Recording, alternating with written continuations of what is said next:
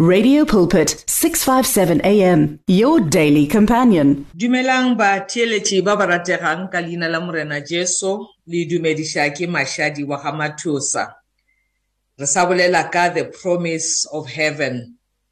Ke kgopela gore pele re thoma batheeletši ba ka bja ka ga nna le lena re tlwaetše nke re thomeng ka go leboga sebaka se. Papa ka leina la morena Jesu re a leboga go amogela ke wena nakong e botse ya go tlo ithuta lentšu la gago. Re mema mo yo halalelang re ka sekebe ra kgona ntle le yena gore a tle a tlo re ruta. Ke rapelela batheeletši le nna ke a ithapelela gore modimo wa ka bula ditlhaloganyo tša rena bula dipelo tša rena. Re tle re kgone go kwešiša se moya o se botšang diphuthego. Kgopela tšotlhe papa ka leina le le botse la morena jesu. Amen. Batheletši ba ka re sa buile gape. Bekeng e fetileng re boletše ka the first fruit of the spirit. Re tloga re tlhalosa you know precept upon precept gore na lentšu la modimo le ra bjang ge le re rena ba re nang le the first fruits of the spirit. We are yearning together with creation as we long for our redemption as sons and for the revealing of the sons of god. So eh re sa tswela pele motheletši wa ka re boletše ka yona tlhologelo ela. And then ba motlha re sa tlo bolela ka taba ya gore lentšu la modimo le re bjaka re na le yona this longing in our hearts. We should keep our eyes fixed you know mo go modimo. Eh eh so lentšu la modimo in second corinthians chapter 4 verse 18 bible e bolela gore So we fix our eyes not on what is seen, but, but on what is unseen.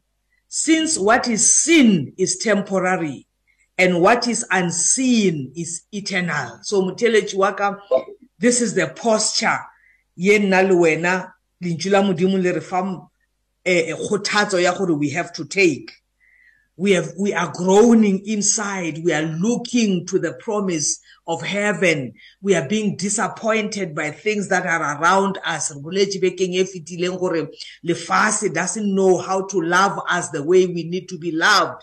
Re šetše re kwele monate wa go rata ke modimo ka lerato le e leng gore ga le feile you know? People around us disappoint us every day. Our leaders disappoint us every day. Our employers disappoint us every day. Our neighbors, you know, sometimes even our children, now we disappoint us. We, we disappoint them one way or the other. So we are longing for that pure love that we have known from you. So we need to fix our eyes. That is Second Corinthians chapter 4 verse 18. Kibala in the New International Version. It we need to fix our eyes not on what is seen. Mutelechwaka, the things that we see every day with our eyes, they disappoint us. Lintshula modimo le re ebile those things they are temporary. Ke dilo tša lebakanyana. You know, Bible let's fix our eyes not on what is seen, but on what is unseen. Since what is seen is temporary, those things that are disappointing us, they are temporary. Those relationships that are disappointing us, they are temporary. So Second Corinthians chapter 4 verse 18 encourages us to fix our eyes on what is not seen because what is unseen is eternal. So le godimo le modimo a re tshepišang lona motheletši wa ka bible e re it is eternal. Ke ke tshepišo ya go ya ka go sa feleng you know? So let us fix our eyes. Ke se letšu la modimo le re kgothatsang ka sona on those things that are eternal. So that is the posture that you need to take motheletši wa ka. Fix your eyes towards heaven. Fix your eyes on things that are not seen. So we are going to be reading a lot about these things that are not seen you know. Luke chapter 21 e bolela ka metlhaela ya bofelo. If you can go and read it bja kare ke fela ke le kgothatsa batheletši ba ka gore ka nako ya lena lock the gate lock the door to your house. Lock the door to your bedroom. Sit and read the word of god. Go and read luke chapter 21 e bolela ka metlhaela ya bofelo mo go tlabeng go diragala go bonagala di-sign tša go bontšha gore ke nnete morena jesu o kgauswi le go boa. Ke nako e le re tlatšang ka lethabo gobane then we know we are going to inherit this promise ye modimo a kileng a tshepiša a ba dira a pledge ya gore o tlo e fulfilla maphelong a rena. So now I'm, on, I'm only going to start reading from verse 20 25 gona mo lentšu la modimo le re there will be signs in the sun. Ke luke chapter 21 eh ke thoma mo go verse 25 or there will be signs in the sun in the moon and stars. E bolela ka metlha ya bofelo.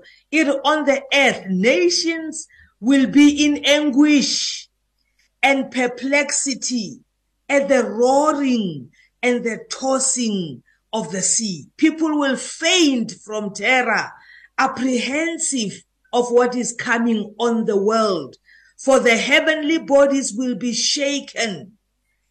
Verse 27 here, at that time, they will see the Son of Man coming in a cloud with power and great glory. so motheletši wa ka lentšu la modimo le tlhalosa gore mafelelong ge go tla ba go diragala dilo tša go makatša tša go tšhoša baebele e re at that time re ile go bona morwa motho a etla a le marung.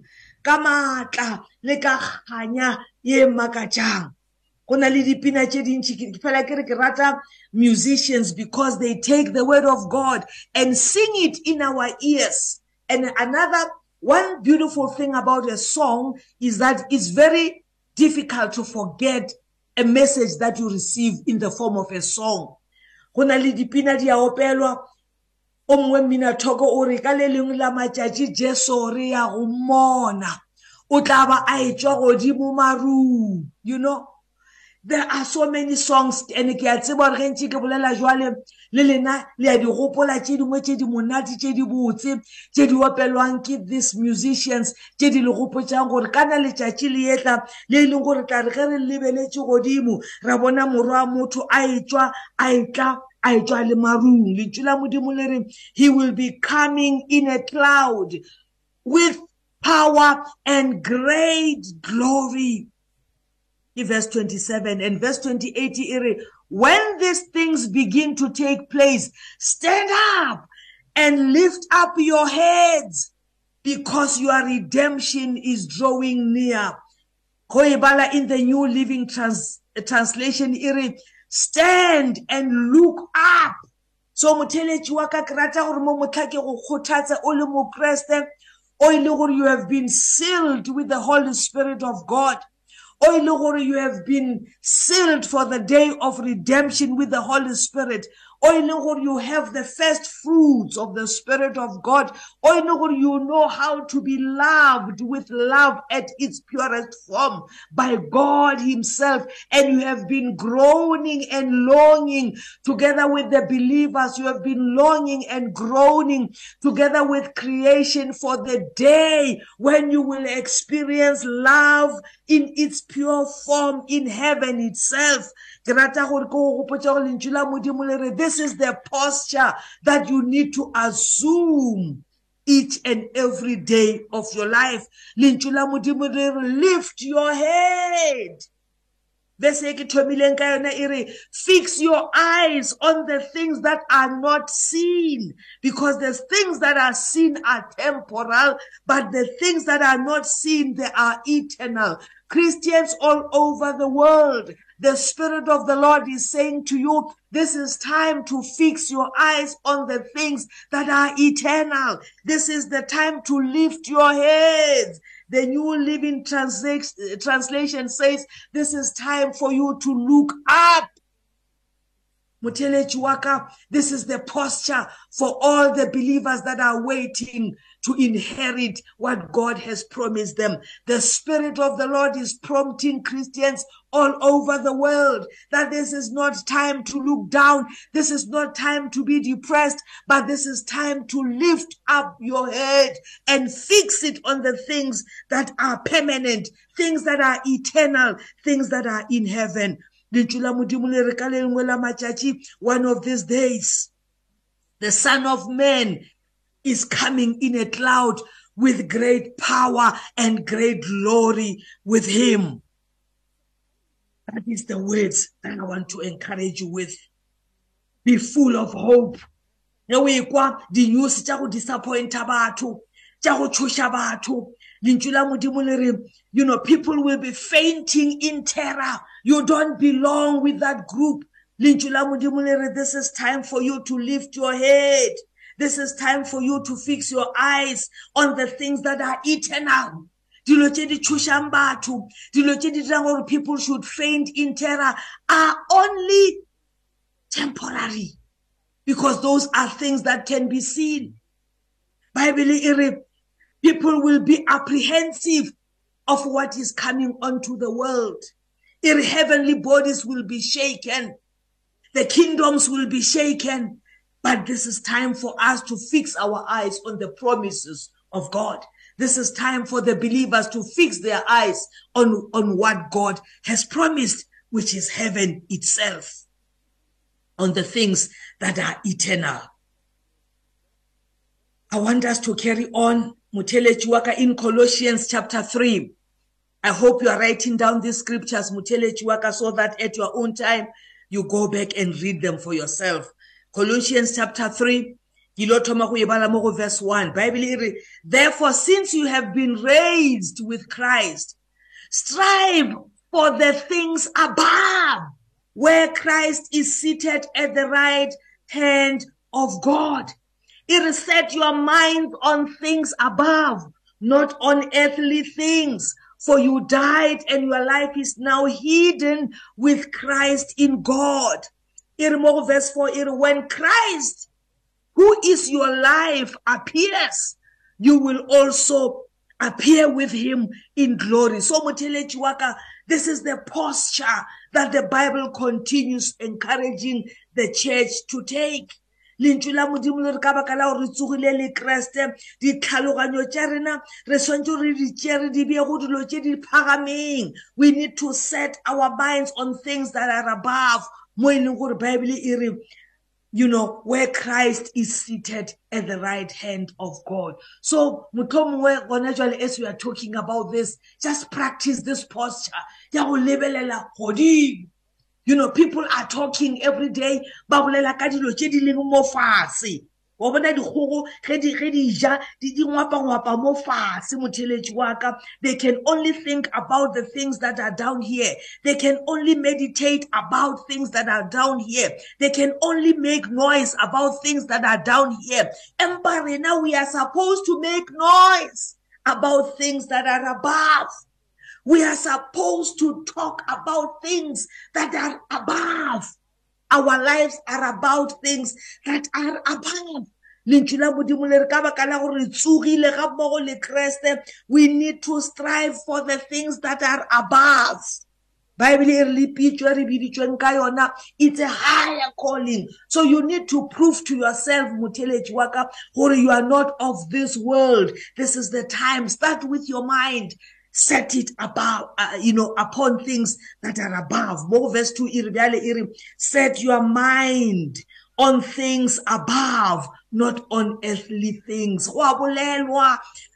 You know, social media, always they want you to consume things that are happening around.